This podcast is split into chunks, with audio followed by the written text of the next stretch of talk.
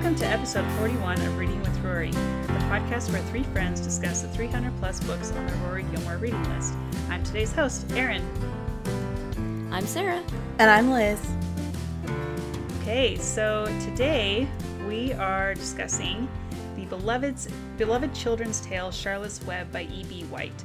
This classic tale is only mentioned once in Gilmore Girls, as far as we can tell, and that's in season 7, episode 3, uh, Lorelai's First Cotillion. So Ro- Lorelai and Rory are waiting to meet Charlotte. I don't even remember who Charlotte is. Is she like the planner person? It doesn't matter. Anyway, they're waiting I, to meet I think someone I think named she's like a little no, I think she's like a little girl that Emily's teaching manners to for Cotillion. Season Oh, is three? that who she is? In season seven. Yeah. Yeah. Mm-hmm. Anyway, so they're waiting to meet this person named Charlotte, and Rory says, "You know, Charlotte's Web is one of my favorite books." And Lorelai responds, "Spiders talking to pigs? What could be better than that?" so that's where we get our Charlotte's Web reference. Um, now we're gonna have.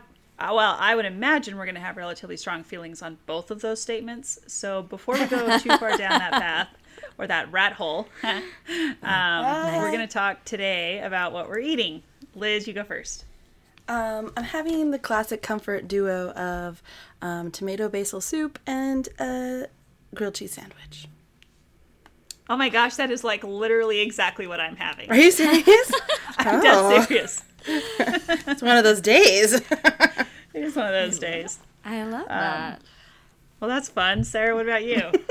Um, I am veering out of the comfort food lane and I'm having a little bowl of cottage cheese with um, some oranges. So it's kind of citrusy, uh, with a little bit of protein in there. It's tasty. All right. Am I the only like- person that still eats cottage cheese? Well, love I was cottage going to say that sounds like what my grandmother eats. on Yeah, a no, I know. It's, it, does, it does have a distinct old lady vibe to it, but I think it's really good. I mean, I don't buy cottage cheese. If someone offered it to me, I would be like, "Yeah, that sounds good." But I it's really not like like, cottage I cheese. buy It's so good with fruit. I have it every morning with um, uh, strawberries and blackberries and blueberries, and uh, I think it's good. So, call me an old lady if you must. Team cottage cheese. That's well, we'll we'll maybe you'll bring it back in style. right. Oh yeah, Who knows? yeah. I'm a, I'm definitely a food trendsetter. I'm sure the cottage cheese industry is appreciative of this discussion. like, what happened to our sales? Someone must have mentioned it in their podcast. Yeah, reading with Rory, man, they really are trendsetters, aren't they? Influencers. We will become sponsored by the cottage cheese manufacturers of Association, yeah. America. and uh, well, Sarah will. oh yeah, this is the beginning of a bright new bright new path. I can see it already. all right, so back to the book. Um, Charlotte's Web was first published on October 15th, 1952 by Harper and Brothers, four years after uh, White's book Death of a Pig, and seven years after the publication of his first book, Stuart Little, which is also on this list and which we will be discussing when we get to the S's. Um, now, Death of a Pig, I mentioned because it's about White's failed attempt to save a sick pig that was bought for butchering. So, some people have suggested that he wrote Charlotte's Web as a way to save his pig in retrospect. However, he neither confirmed nor denied that statement, saying instead, I haven't told why I wrote the book, but I haven't told you why I sneeze either. A book is a sneeze. we will talk about about right. that later. I like Yes. that. Um, yeah, there's there's more. There's a letter that he wrote that includes that statement, and we'll talk about that letter a little bit more later. So here, um, here is a description of the book. I'm actually going to pull. I like the description from Wikipedia because I feel like it's very succinct and doesn't give away a lot. But I'm actually going to read the uh, summary from an article written by the Atlantic on the 60th anniversary of the book. Wilbur, a tiny piglet, the runt of the litter, is saved by eight year old Fern Arable, who begs her dad to let her keep him as a pet. He does, but after Wilbur is old enough, nursed to health by a bottle, the pig is sent to live on Fern's Uncle Homer's farm. Fern gets older and stops visiting so often, and poor Wilbur gets lonely, until he meets a new friend, Charlotte the Spider. When it becomes clear, with the help of an old sheep on the farm, that Wilbur is being fattened up because he's intended as a holiday meal, wise Charlotte promises to save him and begins to spin webs that will convince the humans that Wilbur is a pig beyond the pale. Wilbur becomes famous. In another time, Wilbur would have had a reality show, uh, and he's left to live out his years in peace on the farm. but happily ever after has its complications. So there is our description. Now, the book was generally well received when it was published. Uh, Eudora Welty, one of the authors on our list, wrote As a piece of work, it is just about perfect and just about magical in the way it is done. What it all proves, in the words of the minister in the story, which he hands down to his congregation after Charlotte writes Some Pig in Her Web, is that human beings must always be on the watch for the coming of wonders. now, E.B. White uh, won the Laura Ingalls Wilder Medal in 1970 for both Charlotte's Web and Stuart Little, and the book was nominated as a Newbery Honor Book in 1953, um, among other no- awards and nominations. It's been listed 78th on the all-time best-selling hardback list, and it was also in 2000 in the 2000 Publisher Week Publishers Weekly. Oh, sorry, and in 2000 Publishers Weekly listed it as the best-selling children's paperback book of all time. Um, it's also been included on PBS's The Great American Read list as one of America's top 100 most loved novels. So before we get too far into the story, let's talk about what we thought of it. And I would like to start with Liz. Okay. um, okay. We're all That's waiting fair. anxiously to. Oh, what you think. yes, because the talking animals. Yes. Yes. Okay. So it's okay. So it's a weird combination of nostalgia, um, because it was like the first book that ever I think really made me sad. So I remember that, and it's a weird combination of just being like amazed at how just the uh, the prose, how well it's written, and also being like, oh, animals talking. So, like, it's two parts like love, and one part, you know, just can't really get my mind into it. So it leaves me at a four. but I mean, there's so many things that I do really love about it. And so, I mean, I can kind of forgive the talking animals a little bit. I feel like the barn is this perfect setting for this novel.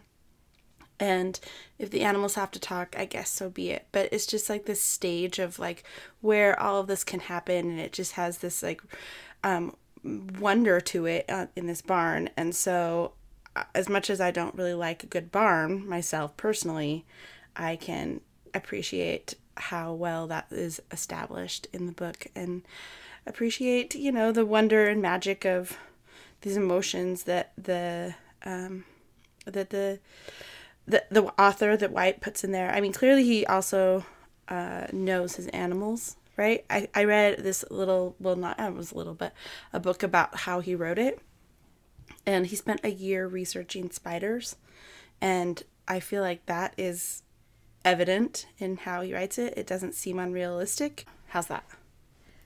Okay. All That's right. higher than I thought you were going to give it. Yeah. Oh. well, it is. It is a classic, right? I mean, there is there's something to love about it for a reason. I'm not loving it because it's a classic, or for it because it's a classic, but like there, it does hold a nostalgic spot for me, and it also is just I don't know. I, it's I, I don't know. It's hard to pin down, but The talking animals didn't bother you as much this time because it's so well done. Yeah, is that what you're saying? sure. Yeah. Fair enough. Okay. Sarah, what do you think?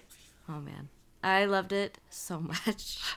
um, like, I just it made me so happy reading it, and it was really nostalgic. This was a a big part of my childhood. This book, and uh, especially one of the movie adaptations. But the, uh, I love this book, and rereading it now was just wonderful. I would give it a five and then some. I thought it was so beautifully written. The prose is so um, just sharp and clear and vivid, and the characters, talking animals though they may be, I think are so just rendered so lovely, and it just it evokes so, just the sense of like Americana that I really like, and that's really sweet. Again, nostalgic, and uh, I yeah, I love the character of Charlotte. I love the character of Wilbur. I love the character of Fern. I just loved reading this book. So You also love Templeton.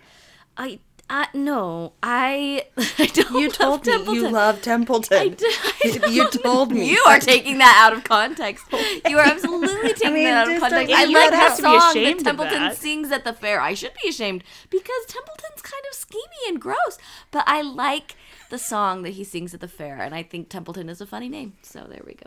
Uh, And I should say he sings that song in the movie, not in the book. You did tell me you love Templeton though, so that's not like me being like ratting you out. oh my ratting her out. Thanks, Erin. All right. I feel like I feel like that's stretching something. I don't think I just came out and was like, Liz, you know, I really love Templeton. I just have to say. That's exactly what happened. No. it's. All right, Erin, we can't wait to hear. What did you think?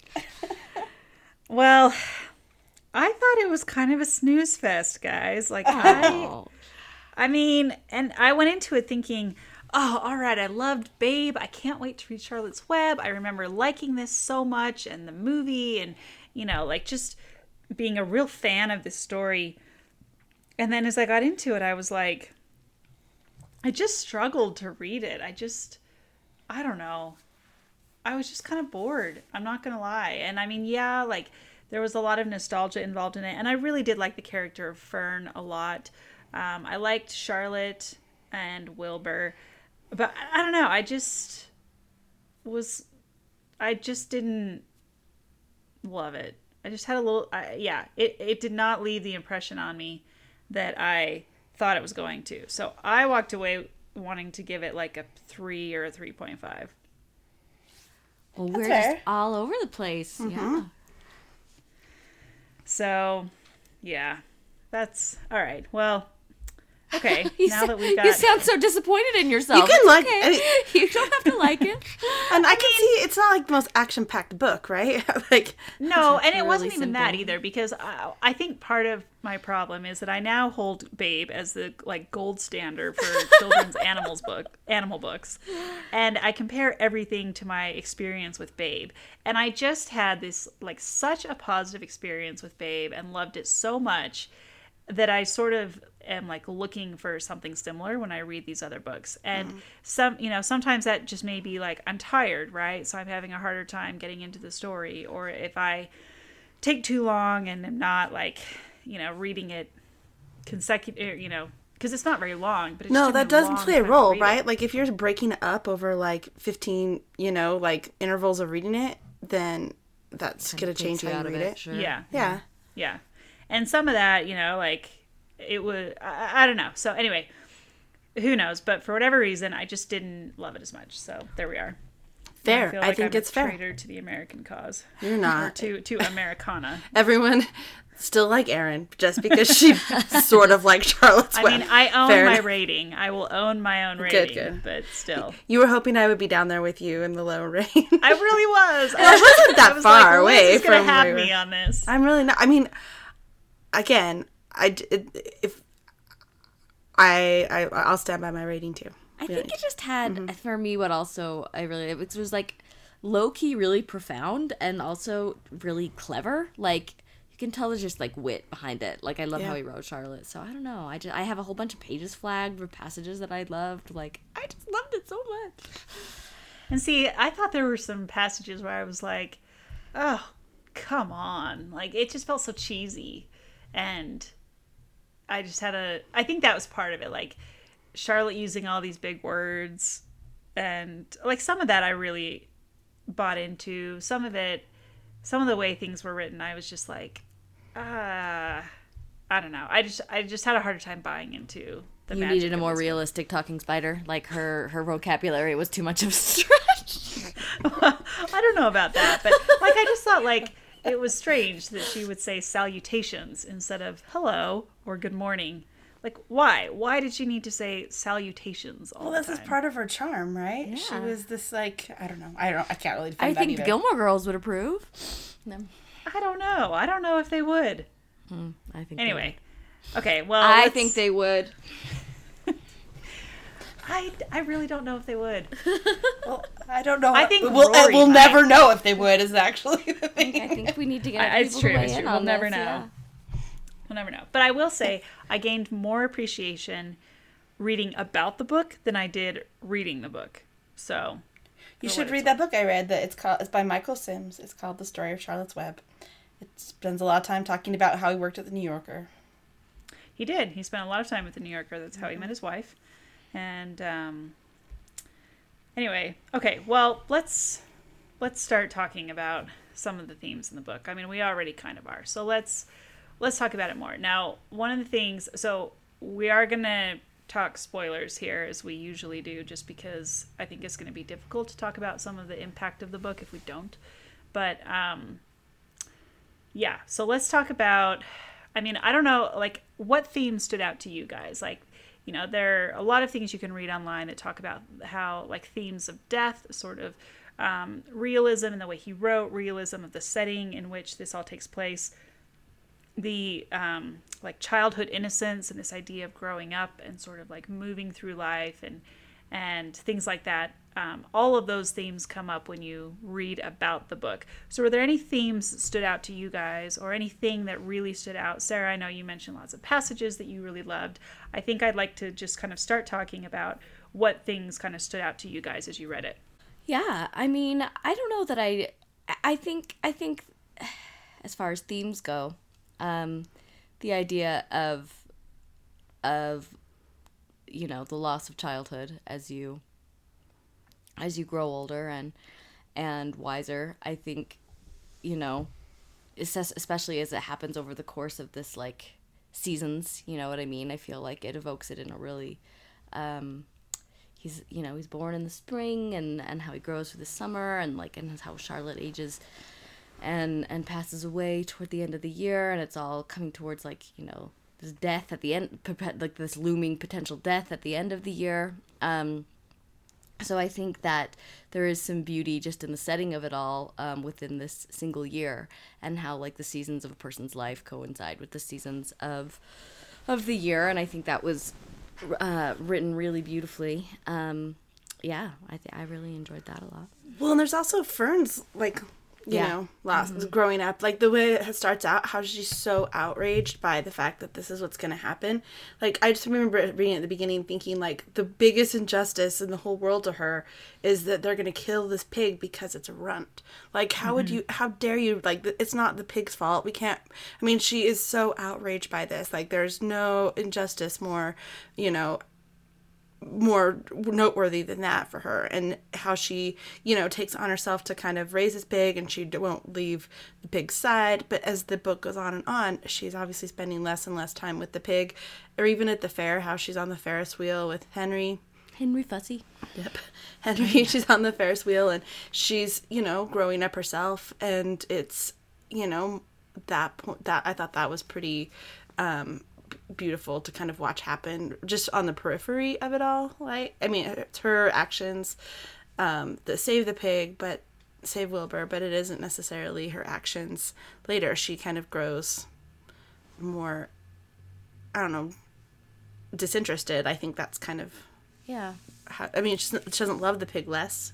I think you just move on, right? just move on to different things for sure. Yeah.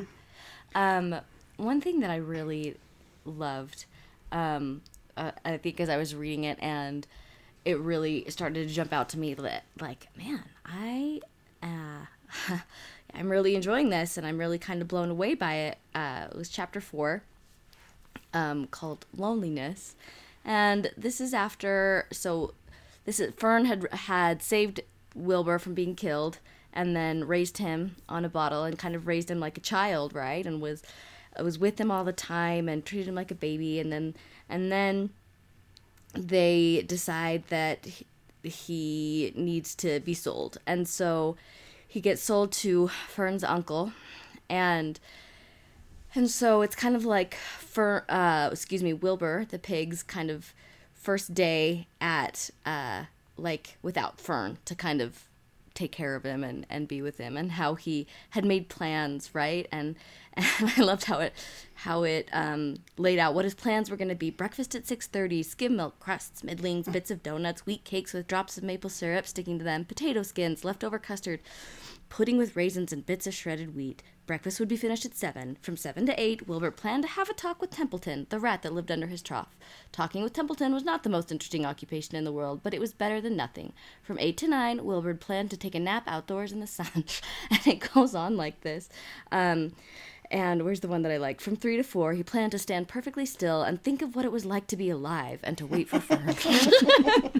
I loved it so much. and then he was so sad because it rained and it like ruined all his plans and he was so lonely without Fern and he hadn't really didn't know anyone in the barn and how scary that is like this idea of like first leaving the security of what you know and and all all the plans that you have for yourself and how life just kind of laughs at him and you know you just i don't know i just thought it was beautiful but just that particular passage that he planned to stand perfectly still and think of what it was like to be alive and to wait for fern.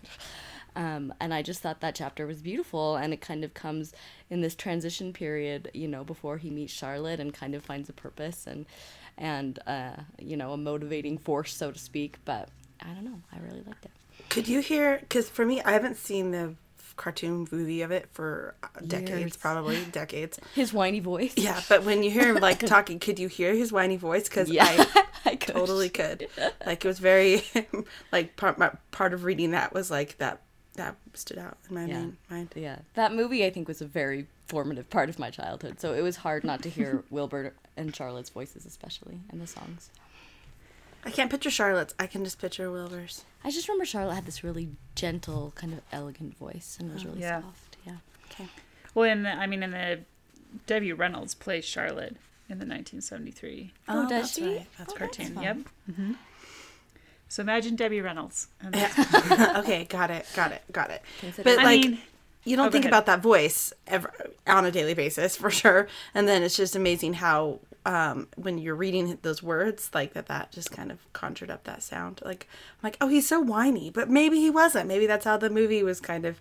Maybe he was sad. You know what Yeah, I mean? yeah. So kind of colored, colored that like And I did just think it was funny that he had this like he was he was an infant. that said he was born in the spring and he moves to the barn when he's what like like June, early summer, and you know all of a sudden he has this like fully formed personality with this. He's so curious about the world and he has he has quite the vocabulary as well. she read to him, didn't she? No, just kidding. I don't know. anyway, I All the animals did. They did, yeah. I just really liked it. I thought that uh, the like the animals as characters were really really fun. Well, they had personality traits, like the goose certainly did, right? I mean, yeah, it's they're there. They were there. I mean, again, this is there. also that where I almost like, okay, I get like the story they're telling is beautiful, but then I'm like, oh man, why is And this you remember that they're animals and you feel all alienated all over again. well, yes. I mean, I will say that like um, I really I thought it was really sweet. I really liked the relationship between Fern and Wilbur and just watching Fern sort of look after him and the fact that she would go and just sit in the barn and just sit there and watch what was happening in the barn and um and that she she loved it and she got to the point you know where she she knows what the animals are saying right like she can hear them i mean some of that i'm sure liz is Yeah, You that drove me nuts. yeah So the animals. You're think along the lines of her mom who parents are thinks she's crazy."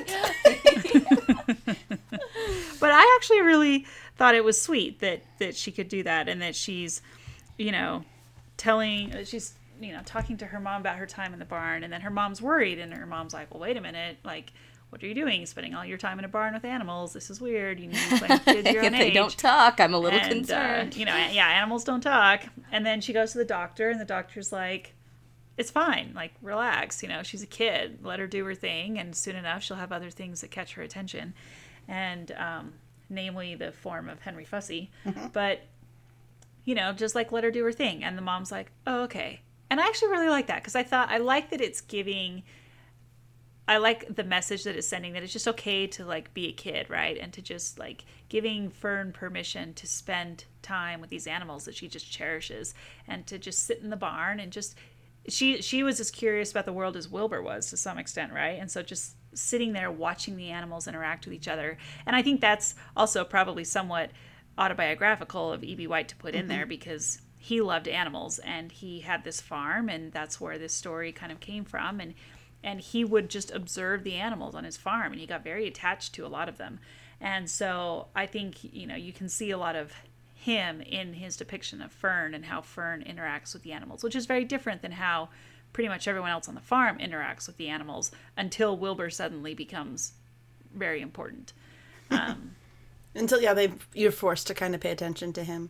Yeah. Which yeah. is an interesting, I guess, another theme too. Is like what sets Wilbur apart from from other from other animals is not, or you know, what makes him, what saves him, what is his, you know, He's radiant and he's mm-hmm. humble. Well, And okay. he's terrific. See, this is where the book took like this is just where I had problems because I was like, it's not the pig that's important. It's the freaking spider who's writing words in her web and like why is But no I one paying attention to the because the- spider? It's Like, true. I thought the same that thing. drove me absolutely crazy. But because the first message she left in her web was about the pig, right? Some pig. And like I think that identifies that like she's not just writing words, she's talking about the pig and and um I thought about that too. I was like, you know, it is pretty remarkable that the spider is doing this, yet everyone's freaking out about the pig, but um I don't know, justice for spiders, I suppose. But I just think that it was um uh you know, that first message was kind of meant to indicate that you know this pig was special. It's like our fir- it's like our earliest form of propaganda when you're a child. You're like, so if you just call someone this, then people will believe it. Okay, cool. I don't know. I just thought like if I were sitting because I kept thinking Wilbur isn't doing anything remarkable. Like he's not a remarkable pig. He's, oh, I he's oh cute. contraire. I I flagged a, a passage I specifically. mean, he's no babe. That's what you're mad about. he's no Got it. he's no babe. We Right, he's no sheep pig, you know. um, Because no, I was like, the- he um, doesn't the do other anything. He passage just that- stands there and he like sits at the door of his barn and like looks pretty and you know does like backflips every so special pig. Hold often. on. and and I'm like, but the spider is the one writing things in the web. like this this.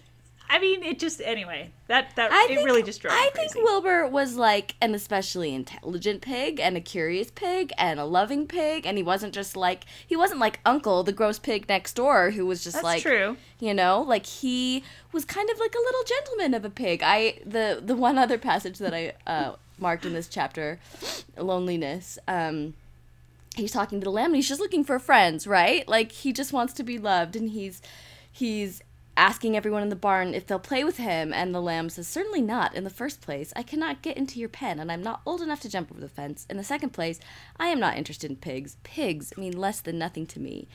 And he says what do you mean less than nothing? replied Wilbur. I don't think there's any such thing as less than nothing. Nothing is absolutely the limit of nothingness. It's the lowest you can go. It's the end of the line. How can something be less than nothing? If there is were something that was less than nothing, then nothing would be not be nothing. It would be something, even though it's just a very little bit of something. But nothing is nothing. Then nothing has nothing that is less than it is.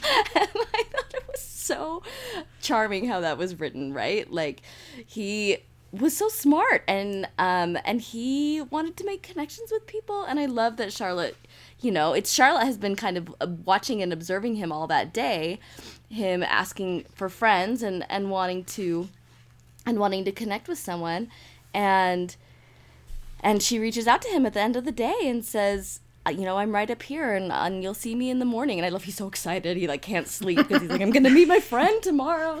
Show yourself. yeah, show yourself. Person and- but I do think address that- me. yeah, Charlotte was watching Wilbur all day and seeing that he is an unusual pig. I also like how Charlotte can see him and also like tell him what to do when when he's like, I don't want to die. Like he's crying about this, right? And she basically is like, um, okay, well, uh, we'll see if we can save you. I'll do what I can do, but just very calmly, right? She's like, so stop carrying on. You're being childish. Um, I can't stand hysterics, and just like shuts him Yeah, up. she's- no nonsense, that Charlotte. Yeah. She was very no nonsense. Mm-hmm. I don't know. I mean, I thought that Wilbur was a very endearing pig. I thought he was adorable. I thought he was all the things. But in terms of like a pig that is worth saving as some like miraculous, eh, you know, he wasn't miraculous. He was cute and he was adorable and sure he was intelligent, but it was Charlotte who was miraculous. Let's be honest. Sure, Okay, but I think also what makes Wilbur miraculous is that he's loved by these, by Fern and by these people and by Charlotte. Like that's what makes someone who maybe is most ordinary to be extraordinary. And it needs you need someone to see you and show the world. Like it talks about how he felt radiant, right? Like after she had written that about him, and it was like Wilbur did feel radiant, and I I thought that was so lovely, right? This idea that you're feeling seen and and maybe he is just normal, but he's loved by someone extraordinary, and that makes him extraordinary. And the, all the other animals in the barn start to like, you know, interact more too. It becomes like a more congenial environment as soon as Charlotte kind of tells them to stop whining and beg for friends. Like they just start. I don't know. It's weird how it all happens, Well, but it does. yeah i mean don't get me wrong i i am a fan of wilbur and i really i really loved wilbur and the character of wilbur um it just i i just read the whole thing and kept thinking like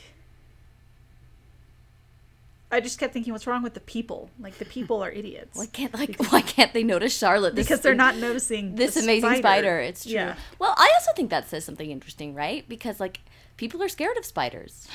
And I think that maybe he was trying to make a point, right? Like the short-sightedness of people and that she was this amazing creature and he kind of goes into all these details about just how incredible spiders are, right? And I think most people think myself included think spiders are terrifying and spiders are Ooh, you know what I mean? Like if you saw a sh- um a you know a spider's nest with like a whole bunch of eggs in it, right?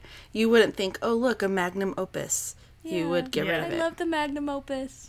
It, no, it's true. Well, okay, so I did want to talk about Charlotte a bit because I think that the character of Charlotte is uh, fascinating and just all of the like thought behind Charlotte as a character, like really, I mean, you know, a lot of people talk about Wilbur because it's you know the story about a pig, but really to me, the story is about the spider, and the story is about um, E.B. White's fascination with spiders and just the the way that he crafted the character of Charlotte. Um, and you know, there's been quite a bit written on this, but there's a, so NPR's All Things Considered did a segment in 2008 called Charlotte A. Cavatica, Bloodthirsty, Wise, and True, um, in which they explored the role of Charlotte. And um, so in this in this section, I just wanted to read a little bit. Um, the section heading is titled "Not Prettified in Any Way." Um, so they say, I've asked some people who spent a lot of time thinking about Charlotte how they would describe her. Peter Neumeyer, author of the annotated Charlotte's Web, says one word always comes to mind. Oh, I'm not going to be able to say this right. Soigny. S O I G N E E. Soigny. Something like that. Anyway, uh, it's sort of elegant, sexy, classy, sophisticated, and very, very loving under that crusty, that forbidding exterior. Um, Martha White, E.B. White's granddaughter, describes her as loyal. She can also be severe and authoritarian. She knew her way around the barnyard. Um, New Yorker writer Roger Angell, uh, who was E.B. White's stepson, says, among other things, she is a New Englander, and also said that Charlotte was a comparison that White himself, or, and said that Charlotte as a New Englander was a comparison that White himself made. Um, she's disciplined and she is orderly, um, Angell says, and then laughing, and she's a trapper. What she does is trap flying things and eat them. White wrote that he pulled no punches in Charlotte's Web. The spider in the book is not prettified in any way. She is merely endowed with more talent than usual. That's part of why she's such a singular children's book heroine. I came out ahead, White wrote, because of not trying to patronize an arachnid. Um, so yeah, so White spent a full year studying spiders before he started writing about one. He studied their habits, he studied their temperament, um, as he put it. He studied drawings of how they were put together. He he even consulted with curator the curator of spiders at the Museum of Natural History in New York and asked questions about a spider's life. And all of this goes into the story of Charlotte. Even with the um, the illustrator Garth Williams, he sent him hundreds and hundreds of pictures of spiders, relatively gruesome ones too, and said, use this to draw Charlotte.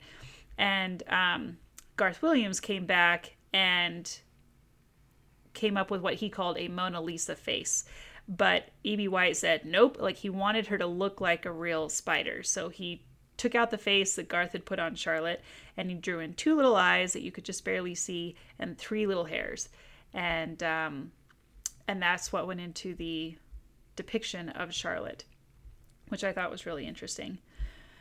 Um, then there are lots of things that talk about Charlotte as a strong female character, which is kind of interesting in this day and age where we're talking about, you know, sort of the role of female characters in uh, literature and, you know, movies and things like that. Charlotte really is a, a, a pretty strong female character. She's very independent. Um, she is very confident, knows her way, you know, knows her way around the barnyard. She's there. She's the one who's going to save Wilbur and who's going to provide him a way to um, kind of live out his life. But at the same time, right, like she kills flies and other insects. She's not apologetic about it. And Spiders she- have to eat. Yeah. Huh? I said spiders have to eat. yeah, spiders have to eat, and she just goes about and does her thing, and um, and that's that. So anyway, I thought I just thought the treatment of Charlotte was kind of an interesting thing in this in this story. Um, the question I have is, do we have more or less affection for spiders after reading Charlotte's Web? I have the exact same amount of affection for spiders. I don't necessarily I mean, I have more affection for E.B. White and his appreciation of like the beauties and wonders of nature, but I still find spiders to be creepy and scary. Thank you very much.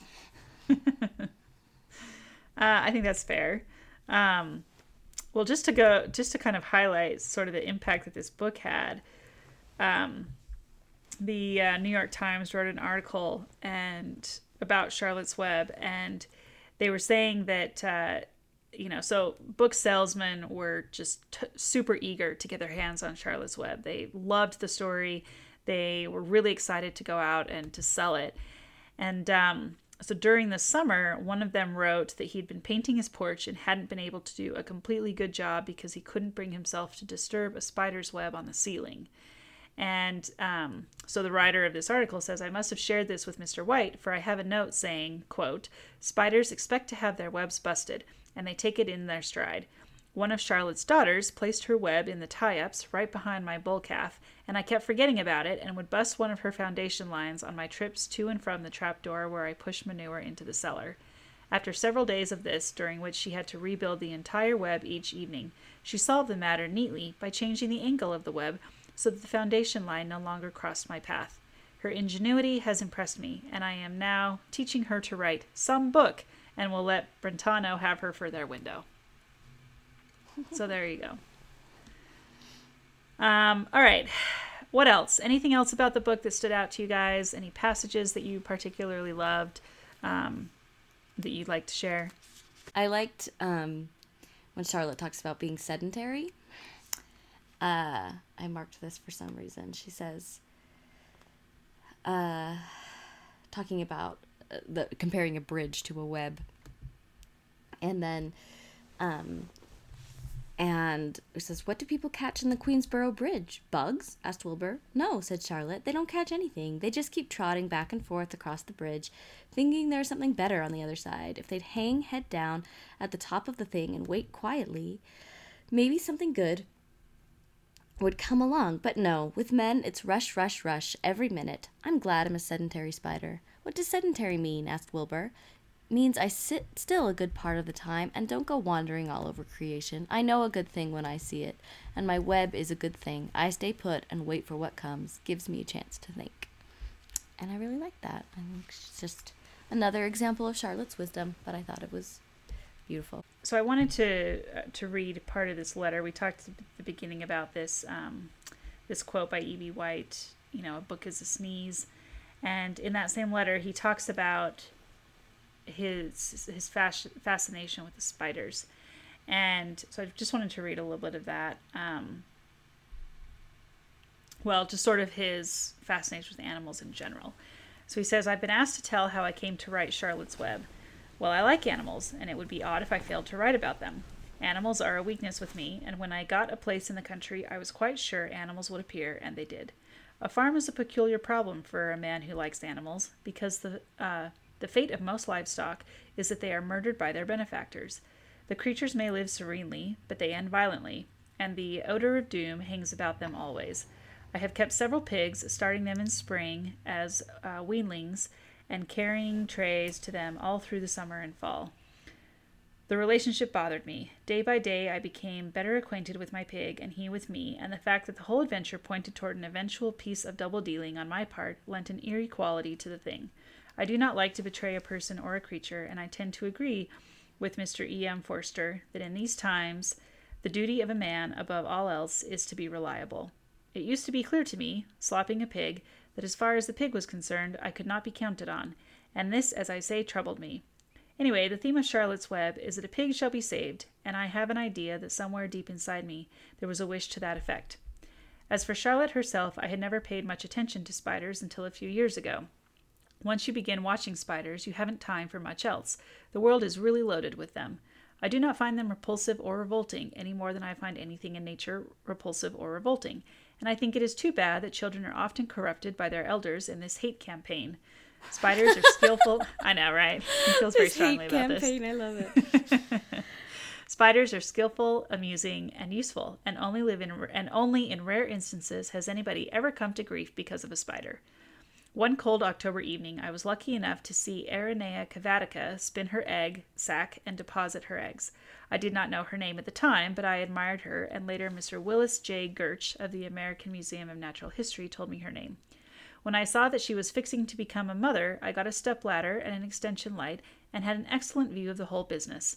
A few days later, when it was time to return to New York, not wishing to part with my spider, I took a razor blade, cut the sack adrift from the underside of the shed roof, put spider and sack in a candy box, and carried them to town. This whole thing it, it just blows my mind. um, I tossed the box on my dresser. Some weeks later, I was surprised and pleased to find that Charlotte's daughters were emerging from the air holes in the cover of the box. They strung tiny lines from my comb to my brush, from my brush to my mirror, and from my mirror to my nail scissors. They were very busy and almost invisible, they were so small. We all lived together happily for a couple of weeks, and then somebody whose duty it was to dust my dresser balked, and I broke up the show. Can you just imagine, like, going into his room and it's like flooded with baby spiders Oh my that he's gosh. brought from his farm? I mean, that just blows my mind.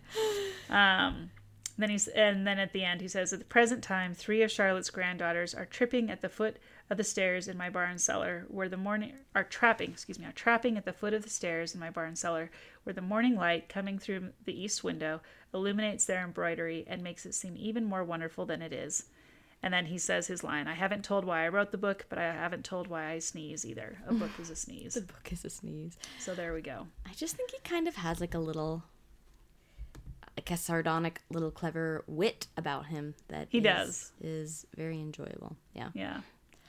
Okay, so now we're going to jump into our pop culture segment and talk about where this book comes up in pop culture.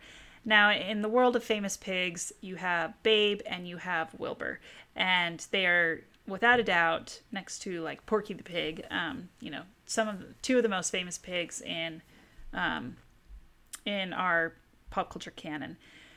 Now, in terms of movies, I think movies is probably the movies are probably what most people are familiar with. So we have the uh, 1973 um, version starring Debbie Reynolds as Charlotte and Henry Gibson as Wilbur.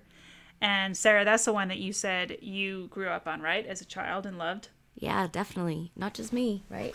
Oh no, I watched it a lot. Well, yeah, I, I think most people are probably most familiar with that one. Although in 2006 they did redo it, and um, they, uh, yeah, they redid the movie, and it has a star-studded cast, as many of these animated features do. So this one has Dakota Fanning as Fern, Julia Roberts as Charlotte the Spider, Oprah Winfrey as Gussie the female goose. Uh, Steve Buscemi is Templeton the rat. John Cleese is Samuel the sheep.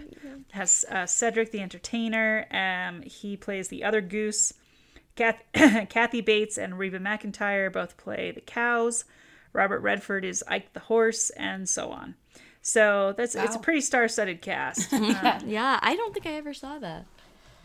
Yeah, did. I, started watching it um, last night before we recorded this. And again, I'm sorry, but it was just kind of a snooze fest. And I was having a really hard time buying into Julia Roberts as Charlotte. I mean, I love Julia Roberts, but I, it, it was like this is Julia Roberts, not oh, it's Charlotte. It was Yeah. oh, it's Julia Roberts playing Charlotte. Yeah, it's a hard time when you have someone very famous playing an iconic character for sure. Yeah.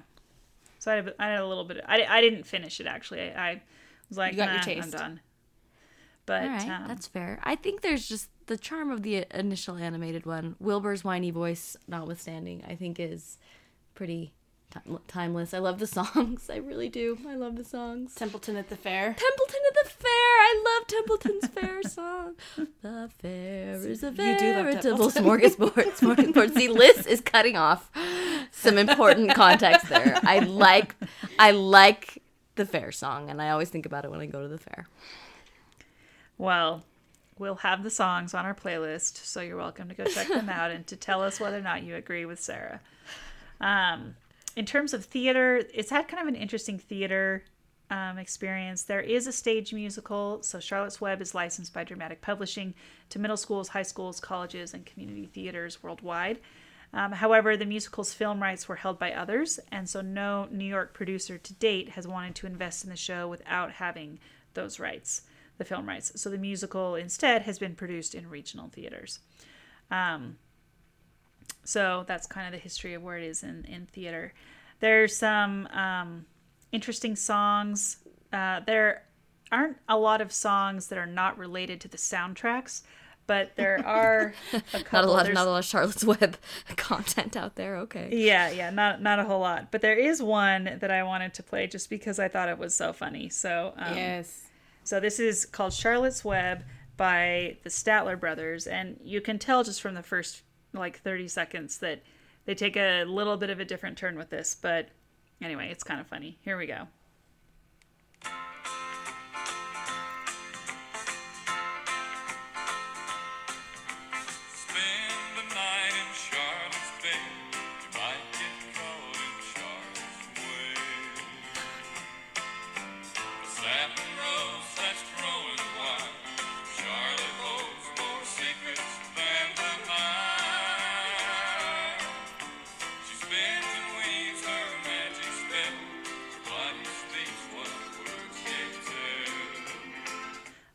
Think that's enough.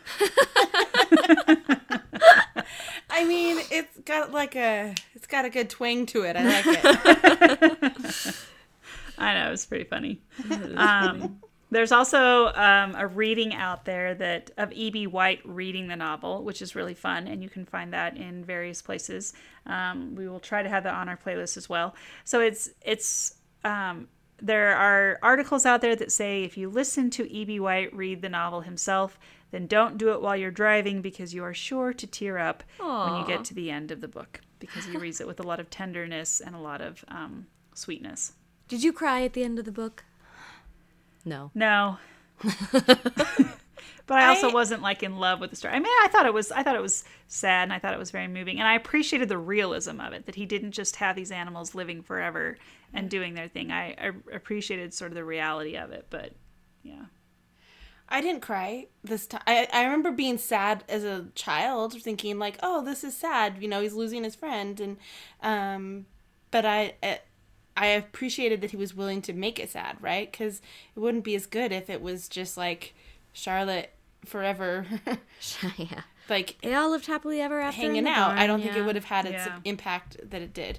So I and I didn't. thought I thought the idea was very sweet, you know, that um, that Wilbur takes over looking after her children and doing you Tells and, them and about that their the- mother. It's, it's a cycle of life, right? And he continues the cycle for Charlotte.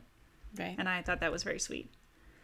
Yeah. Um, other fun things. So, um, in 2005, a school teacher in California um, conceived of a project for her class in which they would send out hundreds of drawings of spiders, each representing Charlotte's child Aranea going out into the world so she can return and tell Wilbur of what she has seen um, that's with fun. accompanying letters.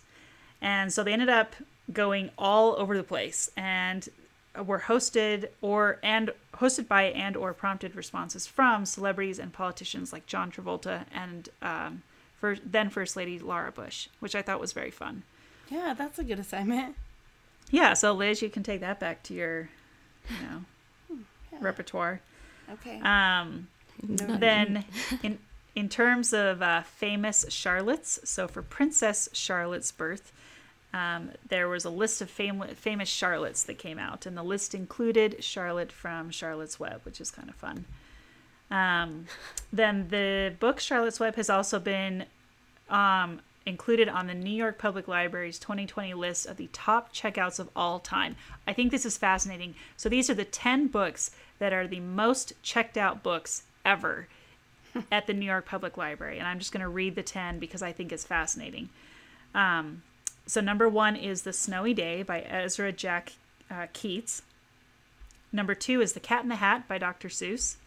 Number three is 1984 by George Orwell. Number four is Where the Wild Things Are by Maurice Sendak. Number five, To Kill a Mockingbird by Harper Lee. Number six, Charlotte's Web by E.B. White. Number seven, Fahrenheit 451 by Ray Bradbury. Number eight, How to Win Friends and Influence People by Dale Carnegie. Number nine, Harry Potter and the Sorcerer's Stone by J.K. Rowling. And number 10, The Very Hungry Caterpillar by Eric Carle. Classics, all of them. Indeed. I know. Yeah. I know. I thought it was very fun. And a, a lot of them are children's books, which I thought was very fun. Yeah. Um, a couple other things that are interesting. Um, so E.B. White, just for the writing nerds slash those who have PTSD from their uh, English classes, uh, E.B. White is the co-author of Strunk and White's The Element of St- Elements of Style. So he's knew the white that, in these yeah. Elements of Style. Technically, hold on. so So Strunk was his professor at Cornell, and that's how like he already had a book called The Elements of Style, and then later White can like joined forces and they, uh, you know, did some tweaking to the book, but that was already Strunk's baby. But E.B. White joined on as well. So Interesting. well, nevertheless, if you know Strunk and White, this is the White that we're talking about. yeah, Um, finally, this is super random but interesting. Um, in the rise of CBD products out there in the world today, there's a company called Charlotte's Web, and it is one of the larger CBD companies on the market today. Jeez. okay. So throw that into your random bag of knowledge. There's apparently a really fun games out there trying to guess what like the name of different like strands of marijuana are versus like real things. anyway, not that that's it was different, but you know. Yeah. So Well, that's anyway, a new that's a go. new thing for our pop culture. Brand of CBD oil. Yeah. exactly. Um, all right, so that's uh, that's it for pop culture. If you have other pop culture references for Charlotte's Web or for any of our other books, uh, whether past or future, please let us know. We are happy to share them on the podcast in future episodes. So now we're going to jump to our favorite and final segment, which is what we are inspired to do now that we have finished reading Charlotte's Web. Liz, what about you? So I would say that um as I read it, I was just like thinking about how um how Charlotte used words so powerfully. So yes, she used the word salutations to say hello, sure. But like she also, you know, found like thought deeply about her words that she wanted to use to describe well sort of thought deeply. Also some of them coming from the fair. But still it was all about like word choice for her and thinking about like what words she should use and, words have even power. tempering what she said with like you know wisdom. She wasn't hysterical. She was just very um no nonsense about things and that came through with her words as well anyway so i guess my inspiration is to you know be mindful of my vocabulary and try and have one where people aren't like judging me for my stupidity but more for my wisdom because that was my word to describe charlotte would be wise so i think that comes from her words and her actions and so be wise like charlotte that's my inspiration Be wise. All right. There you go. All right. What about you, Sarah? Well, there's lots of examples of Charlotte's wisdom that I was inspired by. Um, I did share that example of you know just her her approach to life as a sedentary creature. I actually um, I thought that was kind of strangely inspiring, but uh, really the big takeaway for me was a buttermilk bath. I was like, I wonder what that's about. So take Sarah's a gonna buttermilk, take a buttermilk, buttermilk bath. bath. Do it. Take one and See report if it will make make me radiant. So you know. Okay.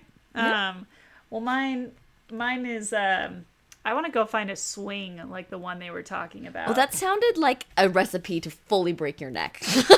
I mean, yeah, it kind of But did. But they had so much fun. They did it all day long. I know. I know. I mean, so okay, I just love the way this would go. Also, in terms of the writing, the way that he wrote the description of the swing is supposed to sort of like mimic the feeling of being on the swing, Yeah. which I thought was um, clever. But I just I like the description. You know, Mr. Zuckerman had the best swing in the county. It was a single long piece of heavy rope tied to the beam over the north doorway. At the bottom end of the rope was a fat knot to sit on. It was arranged so that you could swing without being pushed. You climbed a ladder to the hayloft. Then, holding the rope, you stood at the edge and looked down and were scared and dizzy. Then you straddled the knot so that it acted as a seat. Then you got up all your nerve, took a deep breath, and jumped. For a second, you seemed to be falling to the barn floor far below, but then suddenly the rope would begin to catch you, and you would sail through the barn door going a mile a minute, with the wind whistling in your eyes and ears and hair. Then you would zoom upward into the sky and look up at the clouds, and the rope would twist, and you would twist and turn with the rope. Then you would drop down, down, down out of the sky and come sailing back into the barn, almost into the hayloft. Then sail out again, not quite so far this time. Then in again, not quite so high. Then out again, then in again, then out, then in. And then you jump off and fall down and let somebody else try it. It just sounded sound like fun. so much fun. It does sound fun, but then with the illustration, like the accompanying illustration, I was like, when that thing kind of like gives and catches, like you could like really hurt yourself. I you're not just like. Anyway, it sounded scary that to me. as an adult. I'm scared. I'm I mean, the lawyer in me was Sarah also was like, inspired by the sedentary Charlotte. Erin's inspired by this week. I mean, yes, the rope. Ha- there's no way that anyone would have a rope like that today because the liability issues would be sky high. But nevertheless, it sounded like a lot of fun. I agree. He made it sound fun, that's for sure. Yeah. All right. So, um, what did you think of Charlotte's Web? Come start a conversation with us on Twitter, Instagram, and or Facebook at Reading with Rory, or find us on our website at readingwithrory.com. You can follow us on Spotify for playlists inspired by this and all of our other books. And please don't forget to leave us a review. We love to hear how we're doing, and we love to help new listeners find us, and reviews help us do both. So please go and leave us a review and tell your friends to do the same. Next time on Reading with Rory, we're going to be reading the classic play The Children's Hour by Lillian Hellman. So thanks for listening and reading along with us, and we'll catch you next time.